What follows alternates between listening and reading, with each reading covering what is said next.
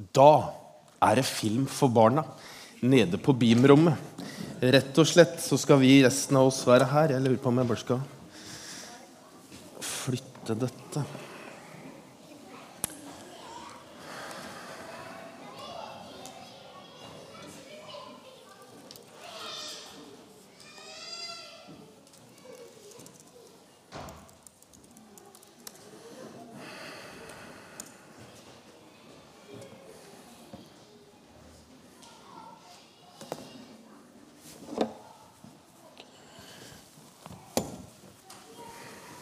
God påske.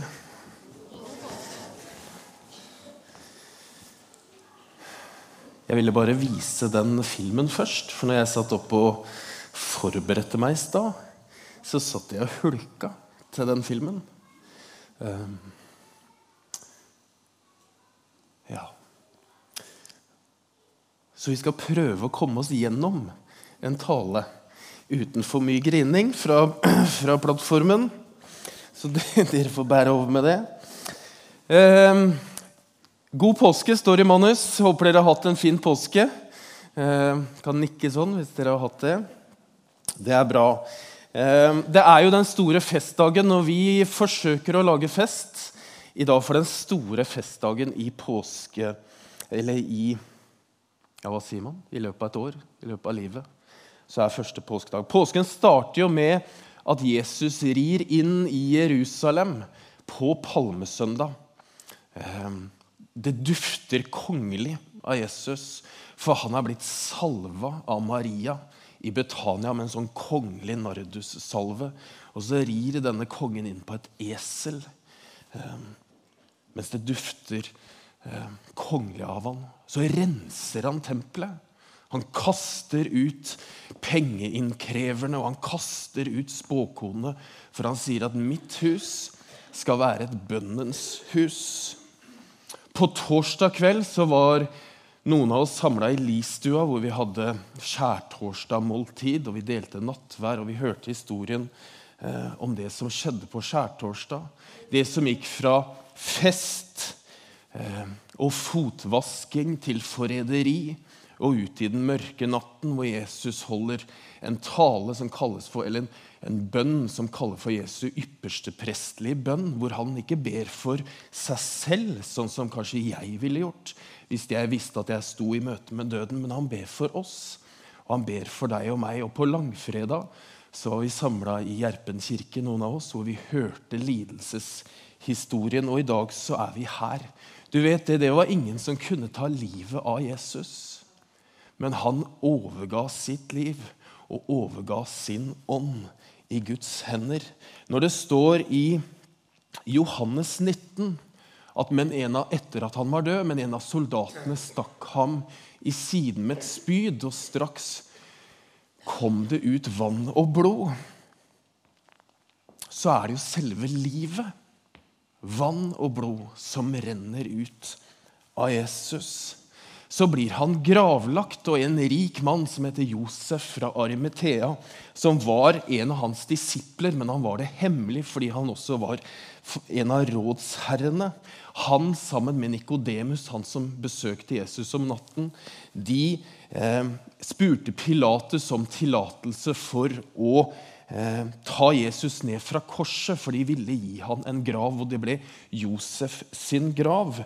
Eh, Det står i Jesaja, som er skrevet flere hundre år før dette skjer, så skriver Jesaja at da han var død, altså Messias, fikk han sin egen grav blant urettferdige og hos en rik, enda han ikke hadde brukt vold, og det ikke fantes svik i hans munn. Og dette var jo en sånn toromsgrav hvor det var ett rom for den døde, og så var det ett rom for de pårørende som de kunne være som et type sørgested. Og så hadde Nikodemus og Josef de hadde med seg 30 kilo av noe som heter myrra og noe som heter aloe, som de salvet kroppen hans med. og de, de tok på ham linklær, slik den jødiske skikken eh, er. Og så måtte de gjøre dette før sabbaten begynte klokka tolv. De jødiske lederne de var jo livredde for at disiplene til Jesus skulle røve Jesus ut og fabrikkere en historie om at han hadde stått opp igjen, sånn som de hadde sagt. Så de jødiske lederne gikk til Pilatus og sa at vi må ha vakter ved graven, sånn at dette ikke skjer. Og etter mye om og men så får de det. Eh, og Pilatus setter da romerske vakter ved graven, og så forsegler han steinen med et romersk seil. Tidlig om morgenen den første dagen i uken, mens det ennå er mørkt, kommer Maria og Magdalena til graven. De fire evangelistene Matteus, Markus, Lukas og Johannes gjør alle et stort poeng av at det går fra mørke til lys. Det går fra natt til dag. Det går fra påskeaften til første påskedag. Og Tidlig, da, mens det ennå er mørkt, sånn mellom tre og seks om morgenen, så går da kvinnene fra Betania med krukker og salve til graven for å vise Jesus den siste ære, men så har de jo et problem. Og problemet er jo det romerske vaktholdet. Fordi graven er stengt. Hvem er det som kan hjelpe oss med å få fjernet steinen, så vi kommer inn i graven? Og så tenker jeg, finnes det en som kan åpne våre graver en dag? Finnes det en som kan gjøre det døde om til liv. Hvem kan gjøre det? Du vet, Noen ganger når jeg gruer meg til noe, så blir det verre enn jeg hadde trodd. Er det noen som har opplevd det? Man har grua seg skikkelig til noe, og så blir det verre enn du hadde trodd. Det er ikke noe ålreit. Mens noen ganger når jeg har grua meg til noe, så oppdager jeg at når jeg kommer dit, så har Jesus vært der før meg. Med ett så ble det et kraftig jordskjelv, for en Herrens engel steg ned fra himmelen, gikk fram og rullet steinen til side og satte seg på den. Jeg lurer på, Er det liksom i dette øyeblikket her som Jesus står opp fra de døde, når jordskjelvet skjer og Herrens engel kommer ned? Det vet jeg ikke. Men engelen sier, 'Frykt ikke'. Jeg vet at dere leter etter Jesus, den korsfestede. Han er ikke her. Han er stått opp, slik som han sa. Kom og se stedet hvor han lå. Markus skriver at engelen sa, 'Men gå og si til disiplene hans og til Peter.' Og Lukas skriver at engelen sier, 'Hvorfor leter dere etter den levende blant de døde?' Hvis det var ny, eller hvis det var aviser i Jerusalem på den tiden, så kunne en overskrift ha vært 'Han er ikke her'. Han er ikke her. Og vi kunne sagt ja, men Jesus, han er ikke her. Hei, her er han ikke. Og når vi samla i smågruppene våre, så kunne vi si at vet du hva, han er ikke her. Men fordi han ikke var der, så er han jo her. Fordi han ikke var i graven, så er han her. Det er jo derfor han er her han er jo her alltid. Alltid sammen med oss. Fordi han ikke var der, så er han her. Så er han hjemme, så er han i kirken, så er han på skolen, så er han på jobben. Han er der du er, fordi han ikke var der. Det var jo to typer vitner som eh, ikke var troverdige på den tiden. Hvis det var rettssaker, så var det to typer de ikke innkalte. De innkalte ikke gjeterne, og de innkalte ikke kvinnene. Det sier seg jo litt seg selv. Men gjeterne gjør han jo til vitner for sin fødsel. Og kvinnene gjør han til vitne for sin oppstandelse. Det er de minste blant de minste som Jesus velger ut. Så sier engelen at de, si det til disiplene hans og til Peter. Og så er det kanskje en bagatell. Kanskje det er derfor det er bare Markus som har skrevet det. Det vet jeg ikke. Men for Peter så var dette ingen bagatell. Det var en kjempestor ting. Peter hadde jo svikta Jesus når han trengte det som mest. på en måte. Han hadde jo sett Jesus i øynene etter at han hadde fornekta Jesus og banna på at han ikke kjente ham. Så hadde han sett Jesus i øynene. Og så er det en hilsen til Peter. Et klapp på skuldra, kanskje. Men gå til disiplene hans og til Peter. Og jeg vet ikke om du har fått et sånt klapp på skuldra noen gang. Når du har trengt det som mest. Det har jeg. Si det til disiplene hans. Si det til kirken. Si det til Martin. Si det til Per. Si det til Kari. Si det til Peter. Så åpenbarer han seg for kvinnene. Og når kvinnene forteller dette til disiplene, så kommer jo en vanlig reaksjon med at de mente det bare var løst snakk, og trodde dem ikke. Kan de være troverdige, liksom, de som føler så mye? Så står han der og griner hele tida, vet du. Ja da, er ikke bare kvinnfolkprat. Johannes skriver at da dro Peter og den andre disippelen ut og kom til graven. De løp sammen, men den andre disippelen løp fortere enn Peter og kom først.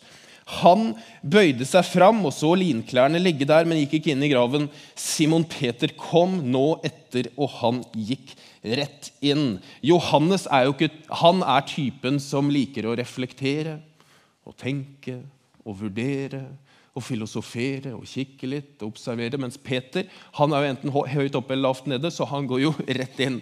Han løper inn, Og så er det jo Johannes som har skrevet dette, så han gjør jo også et poeng at han løper fortere enn Peter. jeg vet ikke hvorfor. Men men da gikk den andre disippelen også inn, han som var kommet først til graven. Han så og trodde. Og det gjør Johannes til den første disippelen som tror på Jesus som den oppstandende. Og det som fikk han til å tro, er jo det han ser inne. Hva er det han ser inne? Jo, han ser i linklærne. Eh, som en sånn sommerfuglpuppe, nærmest, hvis dere har sett det. Det er på en måte bare steget ut. Og så ligger det bare ned. Det er ikke revet av. Eller. Og En annen ting er dette tørkleet som man har over hodet eller over ansiktet, som er rulla pent sammen og lagt på et sted for seg selv. Fordi Jesus Kristus han har kontroll. Han. han har kontroll på døden, og han har kontroll på livet. Han har kontroll i ditt liv. Han har kontroll i mitt liv. Han stresser ikke. Han har full kontroll tenker jeg, Hva slags type er du? Er du liksom Peter-typen som går rett inn? Noen er det. Mens andre trenger liksom å observere litt, tenke litt, fundere litt. Og være litt kritiske, kanskje. Romerne de får jo et problem. Og For dere av dere som har sett denne Netflix-serien som heter AD, eller AD, så de første, første, eller andre episoden viser jo dette veldig tydelig når de går til Pilatus og skal forklare hva som har skjedd. De har jo et kjempeproblem. Fordi eh, Og jeg vet liksom ikke helt hvordan det foregikk. Eh, for de har jo stikket av. sant? De ble jo livredde når den engelen kom, og jordskjelvet. Så stakk jo alle av. Og de kan jo ikke si det til folket. Pilatus kan jo ikke si det, at de romerske soldatene de ble så redde at de bare stakk av. Så da fabrikkerer de en historie hvor de sier at de sovna. Og så sov de jo så godt. Kjempegodt. Tidenes beste sønn. Så de hørte jo ikke at disiplene kom. Det var det ene. Så hørte de heller ikke at den svære steinen ble rulla bort. Eh, og så hørte de ikke at disiplene bærte Jesus av gårde. De sovna og sov veldig godt. Tenk å sove så godt. Det hadde gjort godt. Det var få som hadde fått så mye tilgivelse, og som hadde opplevd så mye tilgivelse av Jesus som Maria Magdalena. Maria Magdalena hun var den kvinnen som Jesus hadde helbredet for syv onde ånder. Han hadde gitt henne et helt nytt liv. Men nå er hun ikke tilfreds. Hun har hatt engler på besøk, men det er ikke nok. Hun har sett den tomme graven, og det er heller ikke nok for henne. Fordi Jesus er fremdeles borte. Og Så kommer en engel til henne og spør hvorfor gråter du. Det er jo et veldig rart spørsmål å få. Han burde jo vite det, eller hun, eller engelen. da. For Maria søkte jo etter Jesus og fant han ikke. Det er jo derfor hun sørger. Det er jo det enkle svaret. Det er jo helt naturlig at hun er trist. Men engelen kommer jo fra himmelen. Og i himmelen så er det jo fest og feiring. Fordi Jesus har vunnet over døden. Der er det jo full fest. Mens her på jorden så er det jo sorg. Og sånn er det jo også når vi mister de vi er så inderlig glad i. Når de dør, så er vi triste, og vi er i sorg. Mens i himmelen så er det jo fest for en som har kommet hjem. Og I hagen så går det en person som hun tror er vaktmester eller gartner. eller sånt, Og så sier Maria til han, kan ikke du vise meg hvor du har lagt han, så jeg kan ta han med meg? Hun tror at det er han som har flytta liket til Jesus. Og så sier Jesus til henne, Maria. Hun vender seg om og sier da, Rabuni, som betyr mester. Hvordan kjente Maria igjen Jesus? Var det stemmen hans? Var det måten han gikk på? Var det måten han sa navnet hennes på? Det står i at Jesus sier i Johannes, 'Mine sauer hører min stemme. Jeg kjenner dem, og de følger meg.' At Jesus han er ikke opptatt av din tittel. Han er ikke opptatt av, han kommer aldri til å kalle deg for professor eller doktor. eller... Han kaller deg, han er ikke opptatt av din tittel. Han er heller ikke opptatt av hva du heter til etternavn. For han er ikke så opptatt av slekten din heller familien din og hvor du kommer fra. og liksom De tingene der. Jesus han kaller deg ved navn. Maria. Og hun kjente ham igjen. Du vet, Det er tusen grunner til å komme til tro på Jesus. Det er mange veier dit. Det er jo kun én grunn til å bli troende på Jesus, og det er at han kaller deg ved navn. Paulus skriver til korinterne i kapittel 15 at han viser seg for Kefas og deretter for de tolv. Kefas er jo Peter, som vi så i stad. Og Peter får jo mer enn en personlig hilsen fra engelen det til disiplene og så til Peter. Han får jo et personlig møte med Jesus, og jeg skulle så inderlig visst hva de snakka om. Hva var temaet, liksom? Hvordan var det? Og så vet vi ingenting om hva som ble sagt mellom Peter og Jesus. For det er noen møter dere, som vi ikke skal skrive referat fra. Det er noen samlinger som bare er deg og Jesus, hvor vi møtes alene med vår, mester, hvor vi får snakke ut, hvor vi er full fortrolige, og hvor vi møter Gud ansikt til ansikt. Han viste seg for Kefas og deretter for de tolv. I Lukas 24, som det er bilde av bak eh, skjermen Da kan du forestille deg at det er det, men så er det jo et bilde foran òg.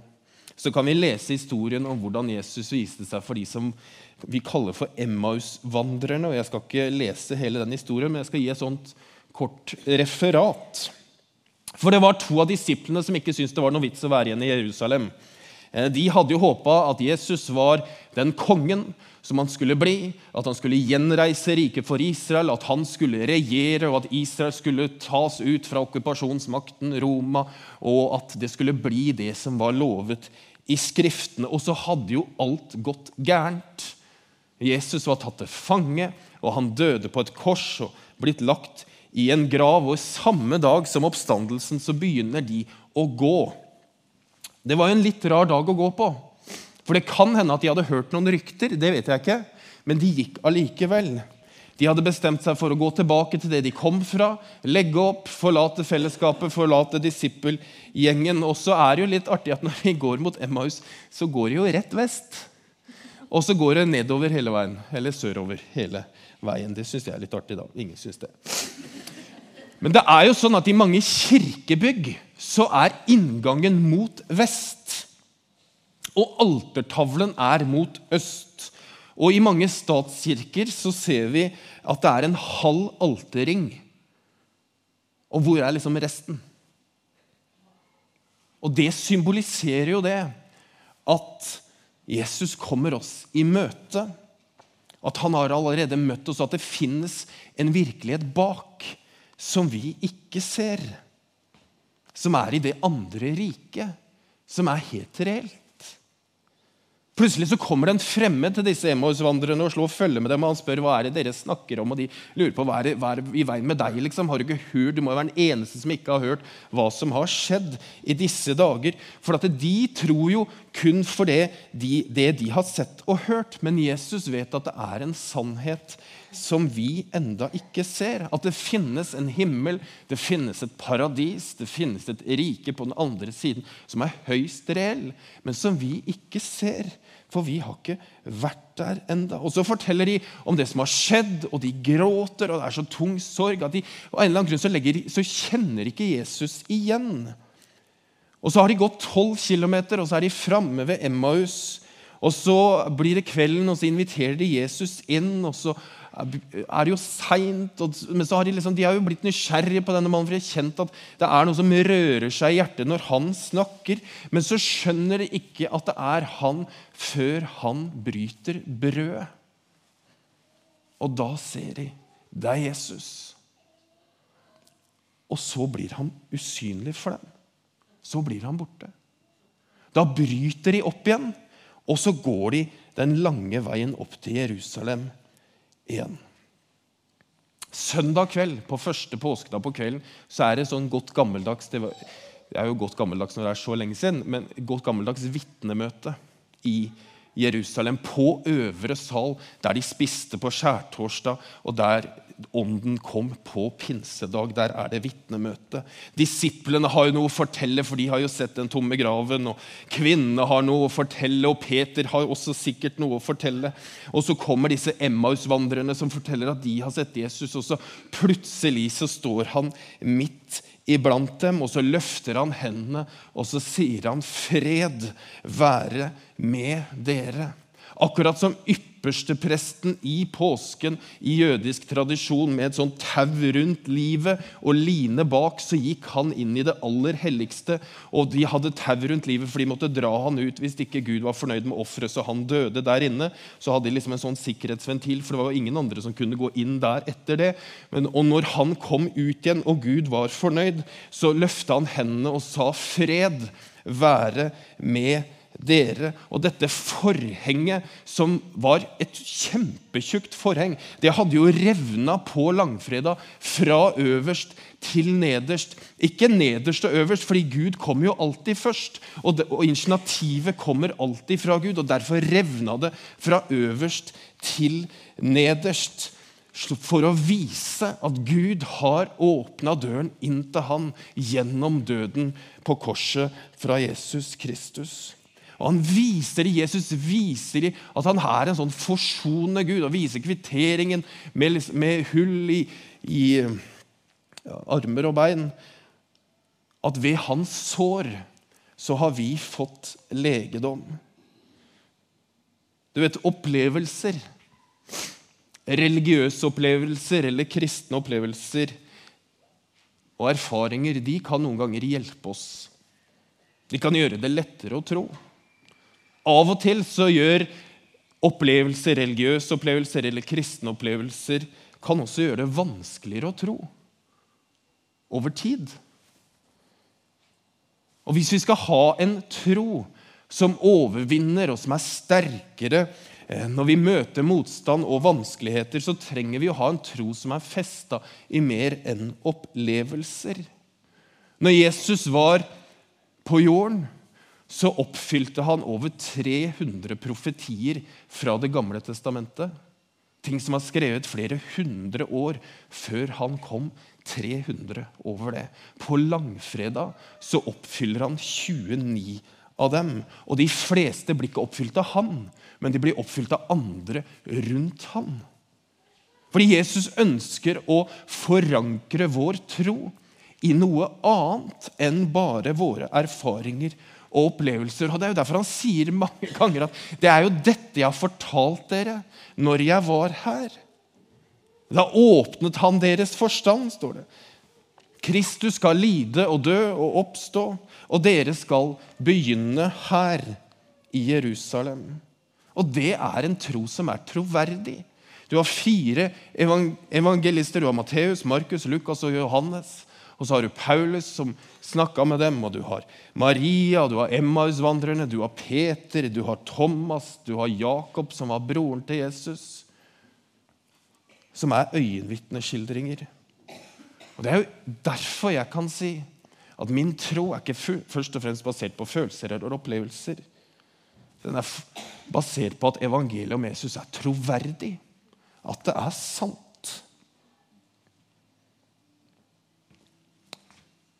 Den jødiske påsken Jeg er snart ferdig. Ehm, men påsken for jødene er to ting. Det er en minne, en en eh, minneshøytid om utvandringen fra Egypt. Og så er det også kornofringens høytid.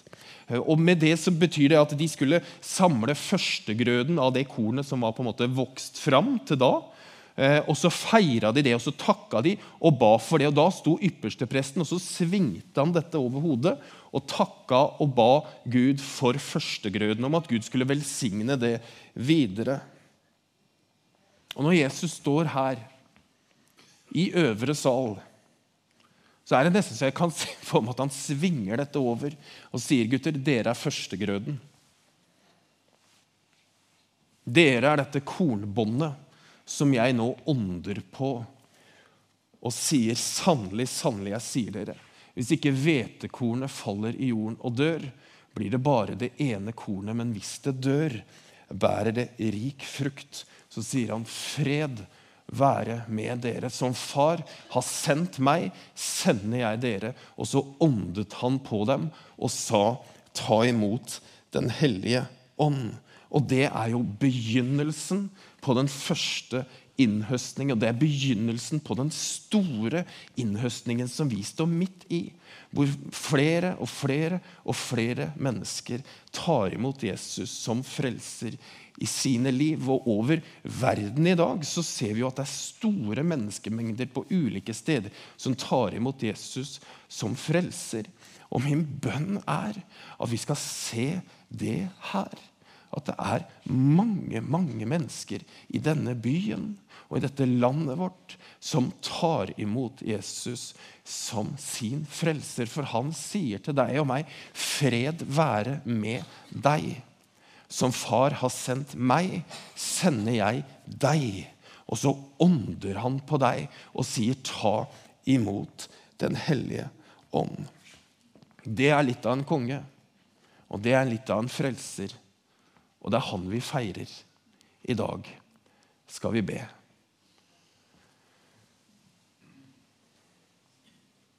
Far i himmelen, takk for at du sendte Jesus Kristus, din enbårne sønn, til verden for at vi skulle komme inn til deg. Takk, Herre, for at ingen av oss er for store, og ingen av oss er for små til å komme til deg. Takk for at du møter oss med to åpne armer som har merker etter nagler for hva du gjorde for oss i påsken. Så ber vi, Herre, om at vi skal ta imot din sendelse når du puster på oss Den hellige ånd. Jeg ber, Herre, om at du skal gjøre det. At du skal puste på oss med din hellige ånd, sånn at vi kan eh, kjenne deg, og sånn at vi kan snakke om deg, at vi kan vitne om deg til de mennesker som er rundt oss. Takk, Herre, for at du har gitt oss menigheten som fellesskap, hvor vi kan oppmuntre hverandre, heie på hverandre og stå sammen for å tjene deg. Vi priser deg, Herre, for det du er. I Jesu navn. Amen.